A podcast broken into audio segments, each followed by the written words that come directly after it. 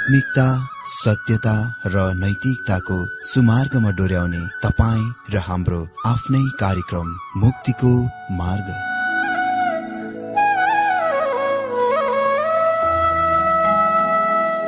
आदरणीय श्रोता यस मुक्तिको मार्ग कार्यक्रममा हार्दिक स्वागत छ। आशा छ यस आत्मिक कार्यक्रमद्वारा जीवनमा आत्मिक आशिष अलौकिक शान्ति र आनन्द प्राप्त गर्नुहुनेछ। र जीवनमा धन्य अनुभव गर्नुहुनेछ। आउनुहोस् श्रोता। मन र आत्माको तयारीको लागि यो मिठो अनि मधुर भजन गीत सुनौ।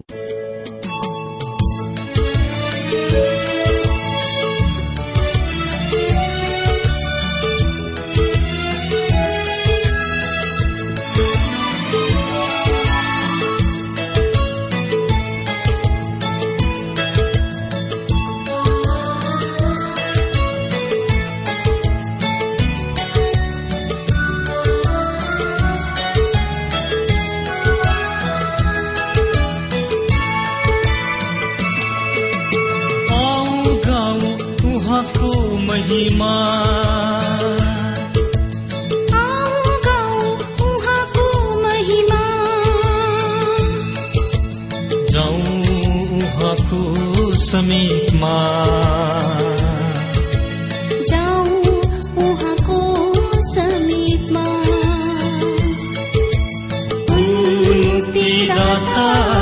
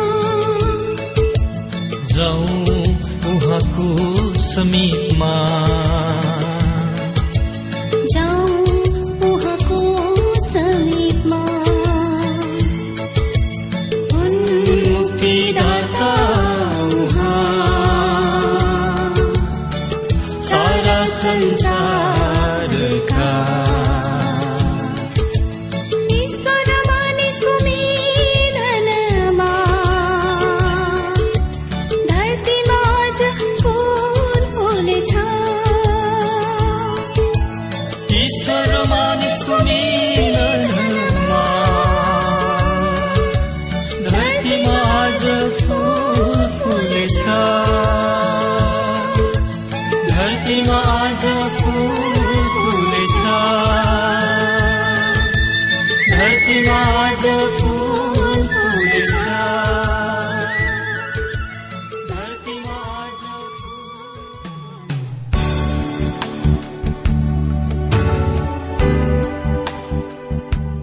श्रोता यो प्रसारण मार्फत यो अवगत गराउन चाहन्छौ कि प्रभुको सेवाको लागि यहाँहरूको साझेदारी नित्यन्त आवश्यकता छ। यहाँहरूले प्रार्थनाको साथसाथै आर्थिक सहायता गर्न अनुरोध गर्दछौ।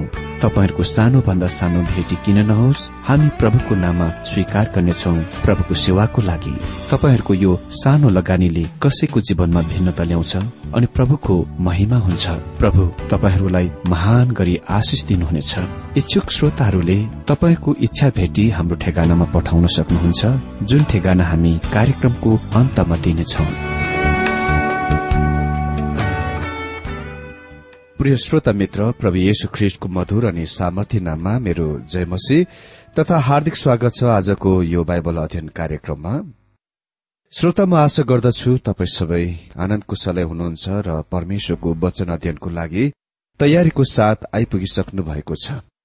मित्र अघिल्लो कार्यक्रममा हामीले हबकुक एक अध्यायबाट मुख्य विषय भविष्य वक्ताको व्याकुलता अन्तर्गत बाइबल अध्ययन गरिरहेका थियौं। भविष्य वक्ताको प्रथम समस्या। उसको मनमा यो प्रश्न थियो किन परमेश्वरले खराबीको हुन अनुमति दिनुभयो? किन यससँग व्यवहार गर्नुहुन्न? त्यसपछि हामीले देख्यौं परमेश्वरको उत्तर। उहाँले हबकुकलाई भन्नुभयो कि बिना दण्ड नधिकन आफ्ना ती यहुदाका मानिसहरूलाई छोडिरहनु भएको छैन। तिनीहरूका पाप अधर्म भ्रष्टको लागि उहाँले तिनीहरूलाई दण्ड दिन बाबिल राष्ट्रलाई खड़ा गर्न गइरहनु भएको छ। अनि हामीले भविष्य वक्ताको दोस्रो समस्या पनि केही मात्रामा देख्यौं। जब परमेश्वरले भन्नुभयो कि उहाँले आफ्ना यी जनहरूलाई दण्ड दिन बाबेललाई अर्थात बेबिलोनियनहरूलाई प्रयोग गर्न गइरहनु भएको छ यसले अर्को प्रश्नको हवकुकको मनमा खड़ा गर्यो। उसको यो दोस्रो प्रश्न थियो किन परमेश्वरले अझ अधिक दुष्ट राष्ट्रलाई दण्ड दिन चुन्नुभयो त जुन तुलनात्मक रूपले कम दुष्ट छन्। किन? परमेश्वरले यस्तो धेरै दुष्टलाई ठूलो दुष्टलाई चुन्नुभयो। अ आज हामी हबकुक एक अध्यय तेह्रदेखि सत्र पदबाट उही विषयबाट अर्थात हबकुक भविष्य वक्ताको दोस्रो समस्याको बारेमा देख्नेछौ। एकपल्ट हिजो अध्ययन गरेको हबकुक एक अध्ययको बाह्र पद पढिदिन्छु। हे परमप्रभु के तपाईँ सनातनदेखि नै हुनुहुन्न र? हे मेरो परमेश्वर मेरा परम पवित्र हामी मर्ने छैनौं। हे परमप्रभु तपाईँले तिनीहरूलाई न्यायको निम्ति नियुक्त गर्नुभएको छ। हे चट्टान सजाय दिनलाई तपाईँले तिनीहरूलाई अभिषेक गर्नुभएको छ। यहाँ हबकुको तात्पर्य यो हो कि परमेश्वर सनातनको परमेश्वर र अति नै धर्मी न्याय पवित्र परमेश्वर हुनुभएकोले किन त्यस्तो अझ धेरै दुष्ट राष्ट्रलाई र जातिलाई आफ्ना जनहरूको दण्ड दिन सजाय दिन चुन्नुहुन्छ त? यो त अनुचित कुरा हो। अहिले यहाँ हबकुको तर्क सुन्नुहोस्। पद भनिएको छ तपाईँको दृष्टि यति शुद्ध छ कि तपाईँ दुष्ट कुरा हेर्न सक्नुहुन्न? खराबी देखेर तपाईँ सहन सक्नुहुन्न? त्यसो भए छल गर्ने मानिसहरूलाई किन तपाईँ सहनुहुन्छ। आफूभन्दा धर्मी मानिसहरूलाई दुष्टहरूले निल्दा तपाईँ किन चुप्प लाग्नुहुन्छ? भन्छन् तपाईँको दृष्टि यति शुद्ध छ कि तपाईँ दुष्ट कुरा हेर्न सक्नुहुन्न? खराबी देखेर तपाईँ सहन सक्नुहुन्न? यो बिल्कुल सत्य कथन हो। पवित्र परमेश्वरले अधर्म र दुष्टता र खराबी हेर्न सक्नुहुन्न। त्यही नै कारण कोही पनि स्वर्गीयमा आफ्नो पाप सहित जान सक्दैन। त्यही नै कारण हामी सबैसँग हाम्रा पापहरूका क्षमा पाउनै पर्छ। हामी सबै थुमाको रगतको शुद्ध गर्ने शक्तिको आवश्यक पर्दछ। हामीलाई नयाँ स्वभाव दिनै पर्दछ। हामीले नयाँ जन्म पाउनै पर्छ। निकै दिमस जस्तो अति नै धेरै धार्मिक मानिसलाई नयाँ जन्म पाउन र नयाँ स्वभाव पाउनलाई आवश्यक पर्यो। धर्मले पापको धोएर सफा गर्ने छैन। यो येशु ख्रिस्टको रगतले जो क्रुसमा मर्नुभयो र फेरि बिउती उठ्नुभयो पापको हरण गरी लैजानुहुनेछ शुद्ध गर्नुहुनेछ। परमेश्वरले दुष्ट कुरा हेर्न सक्नुहुन्न र उहाँले अधर्म पापहरूको कहिले पनि हेर्न सक्नुहुन्न। त्यही नै कारण जबसम्म तपाईँका पापसँग व्यवहार गरिएको हुँदैन तपाईँको लागि स्वर्गीयमा कुनै प्रवेश छैन। देख्नुभयो जब परमेश्वरले तपाईँलाई क्षमा दिनुहुन्छ यो यस कारणले हो किनभने तपाईँको पापको लागि उहाँको पुत्रद्वारा दण्ड सजायको दाम चुक्ता गरिसकिएको छ। परमेश्वर भावुक सज्जन भद्र वृद्ध मानिस हुनुहुन्न जससँग यो पृथ्वीका वा पृथ्वीमा साना फुच्चे मानिसलाई न्याय गर्नलाई हृदय छैन। परमेश्वर पवित्र परमेश्वर हुनुहुन्छ जसले अधर्म र दुष्टता हेर्न सक्नुहुने छैन। उहाँद्वारा तपाईँलाई ग्रहण गरिन सकिनुभन्दा पहिले तपाईँका पापहरूका स्वीकार गर्नु पर्दछ र क्षमा पाइनु पर्दछ भनिएको छ त्यसो भए छल गर्ने मानिसहरूलाई किन तपाईँ सहनुहुन्छ त? हबकुक भन्छन् तपाईँ बेबिलोनीहरूलाई बाबेलका मानिसहरूलाई विश्वास र भरोसा गर्न सक्नुहुन्न। तिनीहरू पापीहरू र छली दुष्टका झुण्डहरू हुन्। अनि त्यसमा हबकुक बिल्कुल सही थिए। तिनीहरू त्यस्तै मानिसहरू थिए। तर परमेश्वरले आफ्नो उद्देश्यको पूरा गर्न तिनीहरूलाई प्रयोग गर्न गइरहनु भएको छ। त्यसो भए छल गर्ने मानिसहरूलाई किन तपाईँ सहनुहुन्छ? आफूभन्दा धर्मी मानिसहरूलाई दुष्टहरूले निल्दा तपाईँ किन चुप्प लाग्नुहुन्छ? हबकुक भनिरहेका छन् यो अनुचित कुरा भयो। यो पक्षपात कुरा भयो। यी बेबुलियनहरू वा बाबेलवासीहरू अझ धेरै खराब मानिसहरू थिए। र उसले यहाँ भन्छन् कि उनीहरू चाहिँ अर्थात हबकुक र उसका जाति यहुदीहरू चाहिँ धर्मी हुन्। भन्छन् आफूभन्दा धर्मी मानिसहरूलाई दुष्टहरूले निल्दा तपाईँ किन चुप लाग्नुहुन्छ? मित्र यो मेरो र शास्त्रीय दृष्टिकोणमा हबकुकको कुरा बिल्कुल गलत छ। किनकि कुनै मानिस कुनै अर्को मानिस भन्दा धेरै धर्मी हुँदैन। बाइबलले भन्दछ सबै पापी छन् एउटै पनि धर्मी छैन। उसले यो भन्न सक्दथे ती मानिसहरू ऊ भन्दा धेरै पापीहरू वा दुष्टहरू छन्। तर परमेश्वरले भन्नु भएन कि उहाँले त्यस आधारमा दण्ड दिन गइरहनु भएको थियो। परमेश्वरले बेबिलोनलाई आफ्ना जनहरूको सजाय दिन प्रयोग गर्न गइरहनु भएको छ।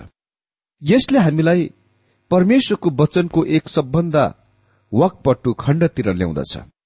चौधदेखि सोह्र पदमा लेखिएको छ तपाईँले मानिसहरूलाई समुद्रका माछा र शासक बिनाका घस्रने जन्तुहरू तुल्य बनाउनु भएको छ।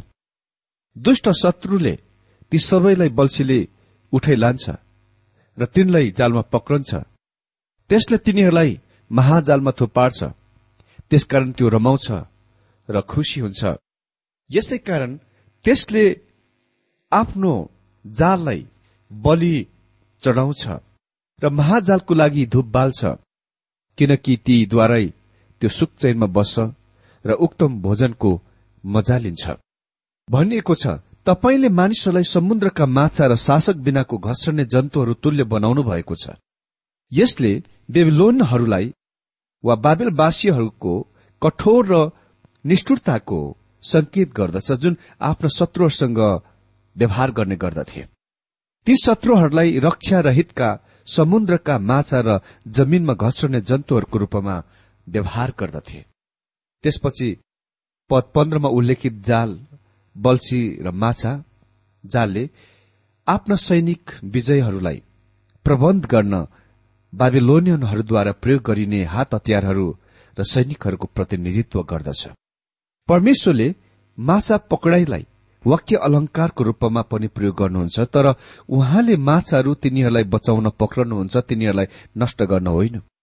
तपाईँलाई याद छ होला प्रभु येशूले आफ्नै केही चेलाहरूलाई भन्नुभयो जो मछुवाराहरू थिए तिमीहरू माछा पक्रिरहेका छौ त्यो असल कुरा हो त्यो ठिकै कुरा हो तर म तिमीहरूलाई मानिस पकड्ने मछुवारा वा काम दिन गइरहेको छु। मेरो मित्र मेरो निम्ति संसारमा सबभन्दा ठूलो काम व्यवसाय मछुवारा हुनु हो माछा पक्रनेवाला हुनु हो। र म आफ्नै निम्ति त्यो नै हुने कुराको दावी गर्दछु। हामीले हाम्रा दिनहरूमा मानिसहरूको मछुवारा हुनुपर्छ मानिसहरूलाई पक्रनु पर्छ भनिएको छ यसै कारण त्यसले आफ्ना जालै बलि चढाउँछ र महाजालको लागि धूप बाल्छ। बेबिलोनियनहरू बाबेलका मानिसहरू निश्चय नै प्रतिमा पूजक अन्य जातिहरू थिए। र तिनीहरूका सफलताको लागि जीवित र सत्य परमेश्वरलाई कुनै पनि श्रेय दिएनन्। दक्षिणी भारतमा केही त्यस्ता मछुवाराहरू मैले भेटेको थिएँ जो सोच्दछन् कि तिनीहरूले अति नै धेरै माछा पक्रन्छन् वा पाउँछन् किनभने तिनीहरूको पुजारीले माछा पक्रने जाललाई आशिष दिएको छ। मित्र त्यसले संसारमा त्यससँग गर्नुपर्ने कुनै सरोकार केही पनि छैन। तपाईँले खान प्रशस्त पाउनको कारण चाहिँ परमेश्वर असल भला हुनुहुन्छ। अनि त्यो मात्र कारण हो। परमेश्वर असल हुनुहुन्छ र उहाँ नै एक हुनुहुन्छ जसले प्रबन्ध गर्नुहुन्छ प्रदान गर्नुहुन्छ। सत्र पद। के त्यसले आफ्नो जाल रित्याउँदै जाने र जाति जातिहरूलाई निर्दयतापूर्वक सर्वनाश गरिरहने? हवकुकले परमेश्वरलाई सोधिरहेका छन् कि तपाईँ तिनीहरूलाई भविष्यतिर निरन्तर अगाडि बढेर मानिसलाई एकपछि अर्को गर्दै नष्ट गर्न अनुमति दिइरहनु भएको छ? परमेश्वरको उत्तर हो। अह त्यो होइन। म यहुदालाई बेबिलोनमा बन्धुवा कैदमा सजाय ताड्नको रूपमा त्यसको पापको दण्डको लागि पठाउन गइरहेको छु। त्यसपछि म बेबिलोनलाई दण्ड दिनेछु। मेरो मित्र परमेश्वरले बिल्कुल त्यही नै गर्नुभयो। अनि हाम्रो दिनमा बाबेल युगौंदेखि धुलो र खरानी कंकड र विध्वंस मुनि पस्रिरहेको छ। यो मौन तर बागपट्टु साक्षी हो कि परमेश्वरले दुष्टलाई दण्ड दिनुहुन्छ। अहिले आउनुहोस् हबकुकको प्रश्न वा पुछताछलाई हामी रहेको समयमा अनुवाद गरौं रूपान्तर गरौं। किन परमेश्वरले दुष्टता वा खराबी हुन अनुमति दिनुहुन्छ त? हजुर उहाँले यसको हुन अनुमति दिनुहुन्छ किनभने उहाँ धीरजी धैर्य परमेश्वर हुनुहुन्छ। उहाँ चाहनुहुन्न कि कोही नाश भएको। उहाँले क्रुस क्रुसमा टाँगेको उद्धारकर्तालाई प्रबन्ध गर्नुभएको छ ताकि कोही पनि नाश नहोस्। र कोही पनि नाश हुन आवश्यक छैन। यो उहाँले आफ्नो पहिलो आगमनमा गर्नुभयो। हबकुको दोस्रो प्रश्न हो किन परमेश्वरले दुष्टलाई दण्ड दिनुहुन्न? परमेश्वरले त्यसलाई ख्रिष्टको दोस्रो आगमनमा उत्तर दिनुहुनेछ। किनभने त्यस समयमा उहाँले पापको दण्ड दिनुहुनेछ। हामीलाई आवश्यक पर्ने कुरा नै यी दुई प्रश्नहरूको उत्तर हेर्ने दृश्य भूमिका हो यथार्थ दृश्य हो।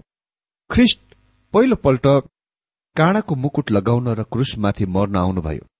दोस्रो पल्ट उहाँ आउनुहुँदा उहाँले महिमाको मुकुट लगाउनुहुनेछ र उहाँका हातमा राजदण्ड हुनेछ जुनले पृथ्वीलाई शासन गर्नुहुनेछ। यसको व्यक्तिगत लागू बनाउँदा हामी प्रश्न सोध्छौ किन परमेश्वरले यो दुःख कष्ट ममा हुन अनुमति दिनुहुन्छ? मलाई थाहा छैन। तपाईँको लागि उत्तर के हो? तर परमेश्वरसँग उत्तर छ। एकजना प्रभुका महानजनले मलाई आफ्नो अतीतको दुःखद अनुभवका बताइरहेका थिए। सालौं वर्ष पहिले म करिब चौध वर्षको केटा थिएँ। मेरा पिता बित्नुभयो स्वर्गीयवास हुनुभयो। उहाँ मिलमा दुर्घटनामा पर्नु भएर मर्नुभयो र समाधि र दफनको काम सिद्धियो र प्रत्येक मलामीहरू आफ्ना आफ्ना घरतिर लागे र म फेरि आफ्नो साइकलमा वापस फर्किआएर उहाँको चिहानको छेउमा उभे र रुए अति नै धेरै। मैले यसरी चितकार छोडे परमेश्वर किन तपाईँले उहाँलाई हामीबाट खुसी लैजानुभयो? हाम्रो सारा परिवारको सहारा खालि उहाँ मात्र हुनुहुन्थ्यो। हाम्रो रोजी रोटी उहाँद्वारा चलिरहेको थियो। किन तपाईँले मलाई मेरो आमा र मेरो साना भाइ बहिनीहरूलाई एक्लै छोड्नुभयो? किन बेसारा र असहाय छोड्नुभयो? किन प्रभु? किन? अनि त्यस प्रभुका जनको कुरामा मैले निरन्तर ध्यानसँग सुने। उहाँले आफ्नो भाइलाई आफ्नो भनाइलाई कुरालाई जारी राख्नुभयो। समय बित्दै गयो बित्दै गयो र आज आएर यसको लागि मसँग उत्तर छ। अहिले मलाई थाहा छ त्यो त्यस केटासँग व्यवहार गर्ने परमेश्वरको विधि थियो जो अन्यथा कहिले पनि सेविकामा प्रवेश गर्ने थिएन। मित्र परमेश्वरले जे गर्नुहुन्छ त्यसमा सधैँ महान योजना रहेको हुन्छ। त्यसकारण पाउल रोमी आठको अठाइस पदमा भन्छन् हामी जान्दछौ उहाँलाई प्रेम गर्नेहरू र उहाँका अभिप्राय अनुसार बोलाइकारका निम्ति हरेक कुरामा परमेश्वरले भलाइ नै गर्नुहुन्छ। भनिएको छ वास्तवमा हाम्रा सृजनाहार सृष्टिकर्तासँग प्रश्न सोध्ने वा प्रश्न गर्ने हामीसँग के अधिकार छ? फुच्चे मानिससँग स्वर्गीयमा हेरेर यो आज्ञा गर्ने किन तपाईँले यो गर्नुभयो भन्ने अधिकार छ। अमित्र भन्नु पर्दा है यो गर्ने हाम्रो मामला हाम्रो काम होइन। यो परमेश्वरको मामला हो। यो उहाँको विश्व हो। र उहाँले यसको आफैलाई प्रसन्न गर्न चलाइरहनु भएको छ। हामीले उहाँलाई विश्वास र भरोसा मात्र गर्नुपर्छ। मित्र मेरो जीवनमा पनि धेरै त्यस्ता समयहरू आए। उहाँले मेरो जीवनमा गर्नुभएका कुराहरूको लागि उहाँले मलाई स्पष्टीकरण दिनु भएन। उहाँले वर्णन गरिदिनु भएन। उहाँले मेरो जीवनमा धेरैपल्ट कठिनका समयहरू दिनुभयो। मैले कति पनि ती कुराहरू बुझ्न सकिन र अझै बुझ्न सकेको छैन। मेरो मनमा यसको बारेमा अझै प्रश्न चिन्ह छ तर मलाई थाहा छ। उहाँसँग उत्तर छ। कुनै दिन उहाँले मलाई त्यो उत्तर बताइदिनुहुनेछ। अनि अहिले चाहिँ म खालि उहाँलाई विश्वास र भरोसा गर्दछु। हरेक कुरामा यो सोच्दै र यो विश्वास गर्दै कि उहाँले जे गर्नुहुन्छ सधैँ भलाइको निम्ति गर्नुहुन्छ। परमेश्वरले आजको यो बाइबल अध्ययनद्वारा हरेकलाई धेरै धेरै आशिष दिनुभएको होस्।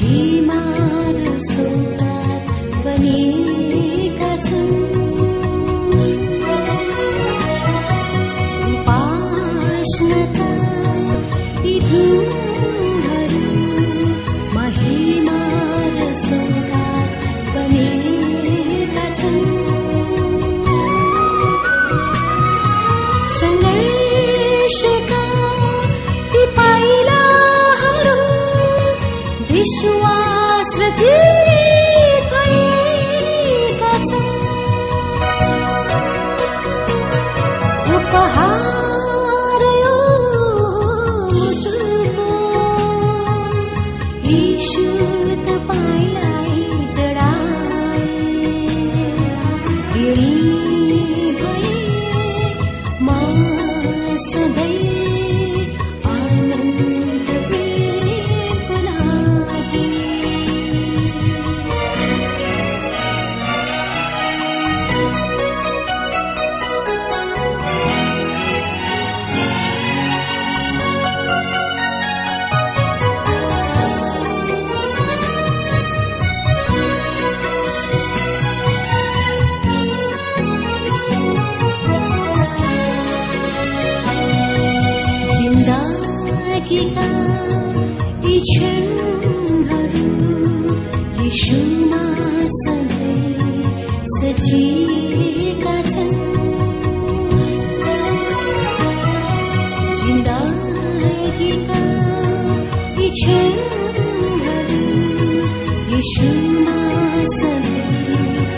Chỉ